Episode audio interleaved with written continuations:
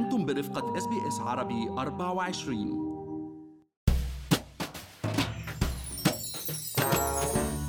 هل صحيح أن أستراليا تعتبر مكان رائع للأجيال يلي خلقت بعد الحرب العالمية الثانية بالمقارنة مع هلأ؟ وكان اسمهم ال baby boomers؟ معكم مرام إسماعيل من بودكاست لنحكي عن المال.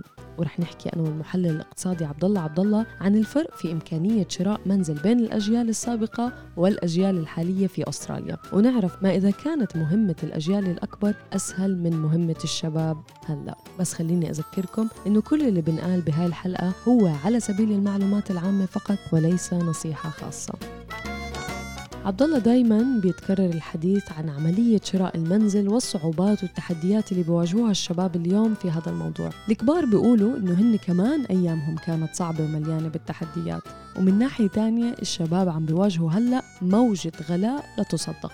هو مزبوط مرام يعني وهذا الموضوع له عدة جوانب يعني من ميلة أسعار المنازل غليانة كتير بالفترة الماضية وكمان من ميلة تانية كلفة القروض يلي بتتأثر بأسعار الفوائد هلأ أرخص من قبل.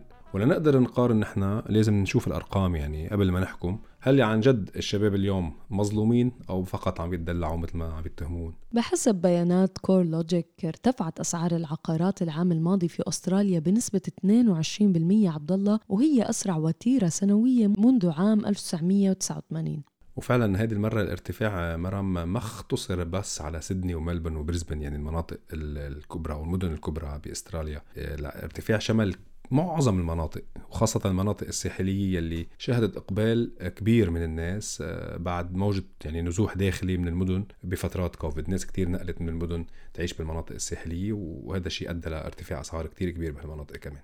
وتجاوزت سيدني مدينة آه، فانكوفر في كندا وصارت ثاني أغلى سوق للإسكان في العالم. وجاءت ملبورن بالمركز الخامس وأدليد بالمركز الأربعة عشر وبريسبن بالمركز السبعة عشر وبيرث في المركز العشرين. طيب وخلينا نبلش نقارن مثلا مرام بأسعار المنازل. بأوائل التسعينات كان سعر المنزل 111 ألف دولار تقريبا كمتوسط ال median price هلأ إذا عدلناها شوي على التضخم إذا اخذنا عامل تضخم بعين الاعتبار بيصير سعر المنزل 235 ألف دولار. أما اليوم قديش رأيك متوسط سعر المنزل مرام؟ والله يا عبد الله هاي أرقام يعني خيالية. نشتري بيت ب 235 ألف دولار. ولكن هلأ يمكن يعني بقول يعني متوسط السعر ممكن يوصل له شي مليون. يعني مليون و66 ألف بحسب يعني هذه أرقام شهر يناير. وهذا على طول عبد الله بينعكس على قيمة الدفعة الأولى يلي لازم تكون بين الخمسة بالمية والعشرين بالمية من سعر المنزل مع تفضيل معظم البنوك إنه يكون الشاري دافع عشرين بالمية أو ممكن تزيد عليه دفعة إضافية وهي دفعة ال lenders mortgage insurance تمام هلا إذا بدنا نشوف هلا 20% إذا بدنا نشوفها من ال 111 ألف دولار بالأوائل التسعينات هي 22 ألف تقريبا. أما ال 20% من المليون اليوم هي حوالي ال 200 ألف دولار يعني تقريبا 10 أضعاف. هلأ لنقدر كمان نقارن بين أسعار المنازل باختلاف السنوات لازم نحسب سعر المنزل كمان بالنسبة للدخل السنوي للعائلات. مثلا متوسط سعر المنزل بأستراليا آه، باوائل التسعينات كان تقريبا 2.5 أضعاف المدخول السنوي للعائلات. اليوم هو 5.5 أضعاف من المدخول السنوي للعائلات. متوسط مدخول الفرد السنوي عام 1994 كان 35 ألف دولار أي حوالي 65 ألف دولار بأسعار اليوم بقياس التضخم ومدخول جيل الميلينيالز أي مواليد بين 1981 وال 1997 هو حوالي 88400 دولار سنويا. هلأ إذا بدنا نعمل هيك حسابات بسيطة كمان مرام إذا افترضنا اليوم آه، الأفراد قادرين يوفروا ربع معاشهم خلينا نقول السنوي لل savings للدفعة الأولى للبيت. جيل ال baby boomers كان بيحتاج حوالي ثلاث لأربع سنوات بحسابات بسيطة فينا نعملها. أما جيل ال millennials اليوم بيحتاج بالقليلة عشر سنوات ليجمع الدفعة الأولى. وهون هو ال advantage الكبير يلي كان عنده الجيل السابق ليقدر يكون أسرع عنده قدرة أسرع إنه يجمع الدفعة الأولى ويشتري بيت. العامل الثاني هو تكلفة القرض الشهرية يعني إذا كانت كقيمة أو كانت كنسبة من المدخول. تكلفة الفائدة اليوم هي بأدنى مستوى تاريخي يعني بتتراوح إجمالا بين الاثنين والثلاثة بالمية للقروض وهي مرشحة أنها تزيد بالفترة الجاية طبعا. أما معدل الفوائد بأوائل التسعينات كانت تتراوح بين ال 12 وال 17 بالمية. صحيح هو آه، فكرة الفوائد المرتفعة هي أهم يعني اليوم حجة لل, خلينا نقول بيبي بومرز بيقولوا إنه هن كانوا يدفعوا أكثر يعني تقريبا الدفعة الشهرية آه، لهي الأجيال لقرض 30 سنة كانت حوالي 1400 دولار.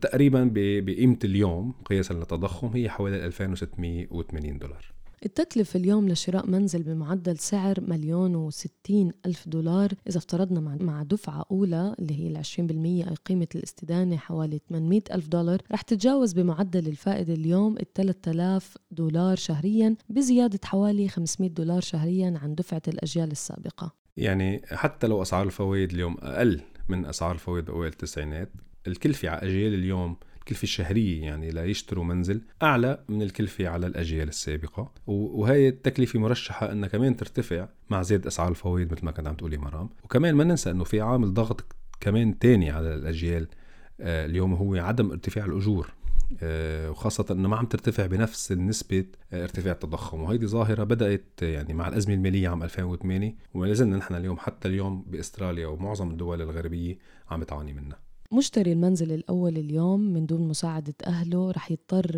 يعني يتخذ قرارات كتير صعبة بالنسبة لمساحة المنزل أو قديش بيبعد عن شغله عن أهله أو المنطقة اللي حابب يعيش فيها. فيعني في تحديات اللي هي كانت مادية وفي تحديات أخرى غيرها زي هاي اللي عم نحكي عنها هلأ. بس بالنهاية مين رح يربح النقاش يعني هل كان أسهل على الأجيال السابقة ولا الأجيال الحالية إنهم يشتروا المنزل؟ يعني صراحة بكل موضوعية مرام ومثل ما شفنا بالأرقام ما فينا أن نقول إنه مساكين أجيال اليوم على مهمة شراء المنزل. آه والله يا عبد الله وأنا بأيدك صراحة. خليكم معنا مستمعينا في بودكاست لنحكي عن المال. لنضل نواكب كل المستجدات يلي بتهم حياتنا المالية والعملية في أستراليا. هل تريدون الاستماع إلى المزيد من هذه القصص؟ استمعوا من خلال Apple Podcast Google Podcast Spotify أو من أينما تحصلون على البودكاست.